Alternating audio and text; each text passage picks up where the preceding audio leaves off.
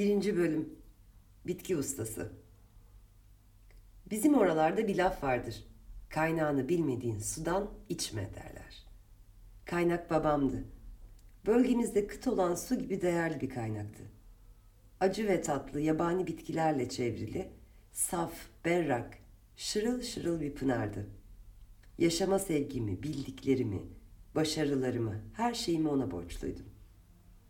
Yaşamıma yön veren babam olmuştu. Ona beslediğim sevgiyi anlamadan bunun ne demek olduğunu bilemezsiniz. 14 Aralık 1921'de Yay burcunda Kolerak Senstrik'te doğmuşum. Yaratılışın bir oyununa gelmişim. Acelesi neymiş? Üç günlükken Garava'ya gelip dedelerimden kalma bir eve yerleşmişiz. Memleketime öylesine tutkunumdur ki Jers'te Garave'de doğmuşum der durur.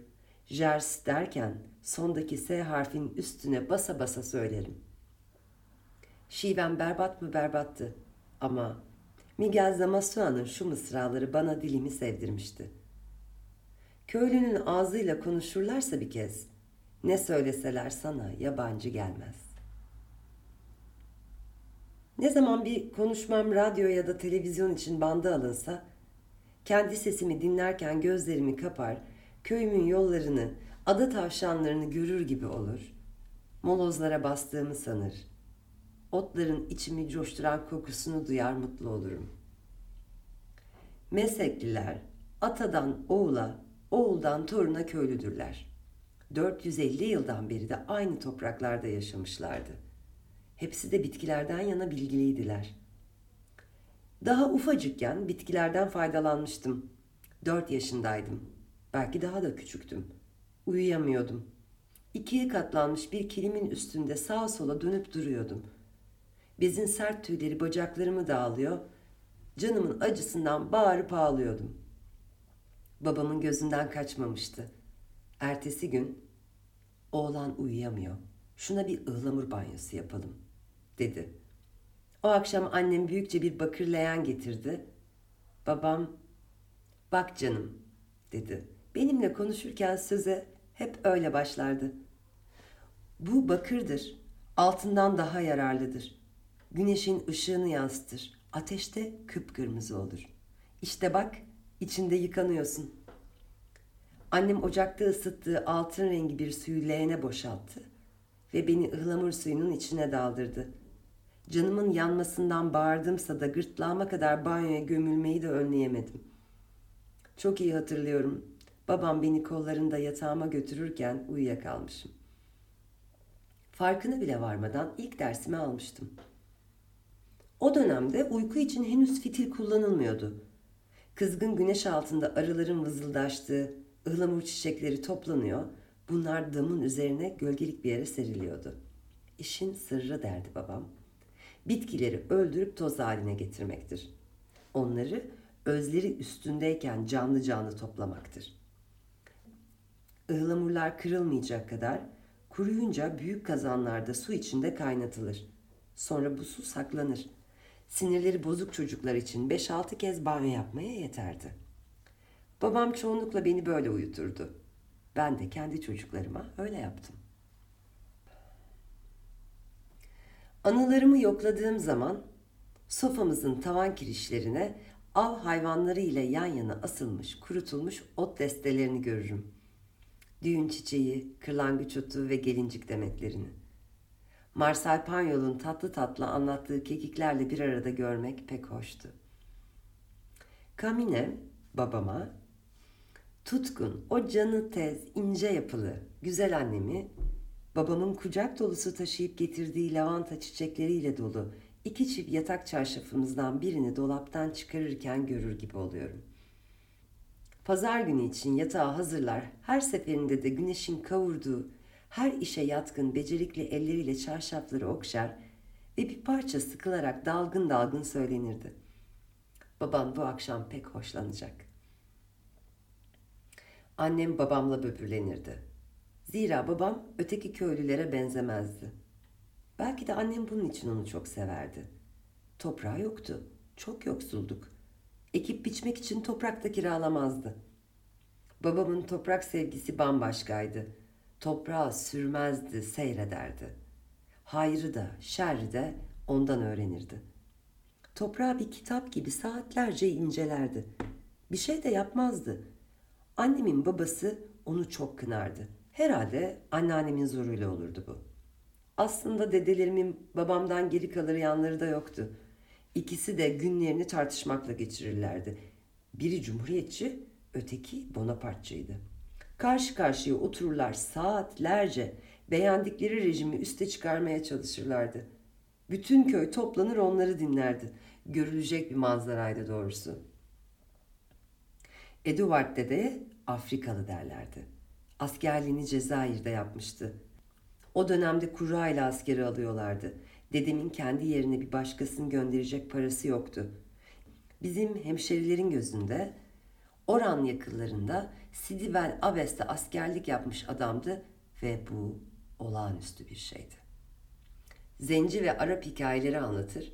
Bir de akıl sırermez bir hayvandan, deveden söz ederdi. Millet gece yarılarına kadar dinlerdi onu. Bizim köyün çok küçük olduğunda söylemeliyim. Şimdi yolları asfaltlanmış ama o zamanlar kışın çamur, yazın toz toprak içindeydi. Herkes takunya giyerdi ve evlerimizde gaz lambası yakardık. Bütün odalarda da lamba bulunmazdı. Akşam olunca odaya şamdanla gitmek lüks sayılırdı. Isınmak için odun yakardık. Çokluk yemekleri ocakta pişirirdi. Soba ve mutfak her evde yoktu. Bizim ailede tembeller eksik olmazdı. Dedelerimin dedelerinden biri 1850 yıllarında ilkokul öğretmeniymiş. Boş bir hevesti bu. Toprak ve rençberliğin dışındaki her iş bir gösteriş sayılırmış. Bir de kumarbaz çıkmış. Ailenin yüz karasıymış. Kazanmak şöyle dursun, boyuna kaybedermiş. Kumardan baş kaldırdığı zaman da ava gidermiş. Dedelerimin hepsi bir alemdi. Yaşantıları rezillikti. Çoluk çocuktan da içimizden böyle aylaklar çıktığı gizlenirdi. Din dersine gelen papaz, tembellik ağır bir günahtır, aylaklık bütün kötülüklerin anasıdır derken gözlerini benden ayırmazdı. Bu kötülüğün kökü çok uzaklardaydı. Bizim soyumuzda muhakkak bir mağripli kanı vardı. Suratıma bakan beni haydut sanırdı. Aslında gönlüyle olmuştur ya. Aile şerefimizi düşünerek ben yine şöyle anlatayım. Nenelerimden biri herhalde bir tecavüze uğramıştı. Bence bu olay Mağriplilerin bizi yendikleri Poitiers Meydan Savaşı sırasında olmuştu. Bir gün bir göz doktoruna muayene olmuştum. Ben de doktorlara, özellikle uzmanlara muayene olurum. Bana gözlerinizde yalnız mağriplilerde rastlanan bir özellik var demişti. Neydi bu özellik? Şimdi hatırlamıyorum. Çok teknik bir meseleydi. Bildiğim bir şey varsa İspanya'ya, güneye, güneşe, etimle kanımla tutkundum. Ne zaman İsveç'e ya da Norveç'e gitsem bir an önce dönmekten başka bir şey düşünmezdim. Ama İspanya'ya, Portekiz'e, Fas'a gittiğimde hep oralarda kalayım isterim. Granada'daki camileri gördüğümde sanki onları çok önceleri tanıyormuşum gibi gelmişti. Üstelik Mağriplileri aralarında yaşamışım gibi tanıyordum. Hırslarını, gururlarını, kayıtsızlıklarını çok iyi anlıyordum. Babam gününü düşünmek, gözlemek ve bakmakla geçirirdi. Bu yüzden de adı tembele çıkmıştı. 50 yıl sonra aynı şeyi ben yapıyorum. Bu kez bana bilge kişi diyorlar. Babamı anlamıyorlardı. Hatta annem bile onu anlamamıştı.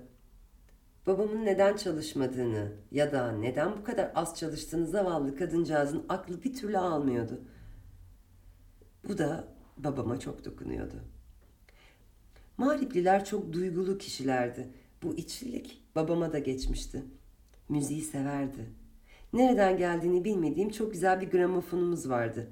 Babam ince, becerikli elleriyle gramofonun kolunu çevirir, onu bir müzik aleti gibi çalardı. Işıktan yanıp sönen siyah plağı yavaşça koyup kaldırışını unutamıyorum. Dinle canım. Vilar Dragonları Marşı'ndan da başka plağı yoktu. Ama her seferinde yeni dinliyor gibi olurdum. Beni büyülerdi. Mağripliler gibi babam da en çok gülü severdi. Yavrucuğum, gül hem güzel hem de şifalıdır. Bir de güzel kokuya çok düşkündü. Ne ter, ne kir, ne tütün, ne de şarap kokardı. Babam her zaman güzel kokardı. Çayı bile naneli içerdi. Nane ve çayı harmanlayıp koca bir toprak çömlekte saklardı. Bu alışkanlığı nereden geliyor bilmiyorum. Belki de Afrika'da alışmıştı. Babam ağzına şarap koymazdı. Bir kez bile onu sarhoş görmemiştim. Bu yüzden de adamdan saymazlardı. Kami ağzının tadını ne bilir yahu derlerdi. Su içmek çok ayıp sayılırdı. Garaveliler arasında babam tavuk kümesine dalmış ördek gibi yaban kalırdı. Boyca postça da onlara benzemezdi. Görünüşte ince yapılı çelimsizdi. İngiliz gravürlerindeki soylu kişilere benzerdi. Tıpkı onlar gibi giyinirdi. Yakası hafif kalkık, kardinden çıkmış sanacağınız kurveze bir elbise giyerdi. Kravat takardı. Her gün tıraş olurdu. Bıyıkları ince ve kısaydı. Dahası var. Yemekte peçete kullanırdı. Topu topu bir çift kundurası vardı ama kibar beyler gibi sık sık giyerdi. Elleri de çok garipti. Ufacık, yumuşacıktı. Parmakları da bir parça kısaydı. Çocuklarınki gibi elleri açık sarı renkteydi. Tırnakları her zaman kesilmiş ve temizdi. Bir de çul çaput giymiş. Omuzlarında kazma kürek giderken babamı bembeyaz elleriyle gören bizim köylüleri düşünün. O dönemde cumhuriyetçi bir ülke için fazla kızıl sayılan bizim köyün radikal sosyalistleri yanında babam, o zavallı yoksul adam sağcı mı sağcıydı. Daha kötüsü kralcıydı. Oyunu Karsanyak'a verirdi. Gers ilinin kuş uçmaz kervan geçmez bir köyünde gazete okumayan, o dönem gazete gelmezdi, radyodan haberi olmayan beş parasız bir kralcı olsun akıl alacak iş değildi.'' Babamın kralcılığı sanırım siyasal bir görüşten çok bir zevk meselesiydi. Tarihi pek severdi. Krallara, soylu kişilere, giyim kuşamlarına, saraylarına, bahçelerine, hatta savaşlarına hayrandı. Kırmızı külahlılara, halkın şarap kokan nefesine onları tercih ederdi. Başka bir ülkede daha kaba insanlar arasında olsaydı babamı belki de memleketten sürüp çıkarırlardı. Ama bizim köylüler kötü insanlar değillerdi.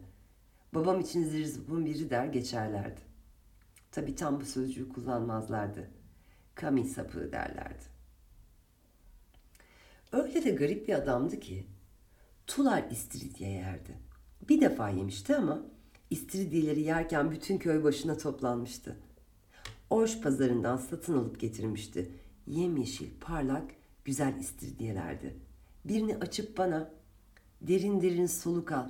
Bak deniz kokuyor dedi. Çok sonraları bir gün birlikte yemek yerken Leon Paul Fark bana şöyle demişti. İstiridye yerken denizi dudaklarından öpmüş gibi oluyorum. 65 nüfuslu küçük köyümüzden kimse denizi görmemişti. Yo hayır. Garave'de deniz görmüş Maria adında bir kadın vardı. Buralı değildi.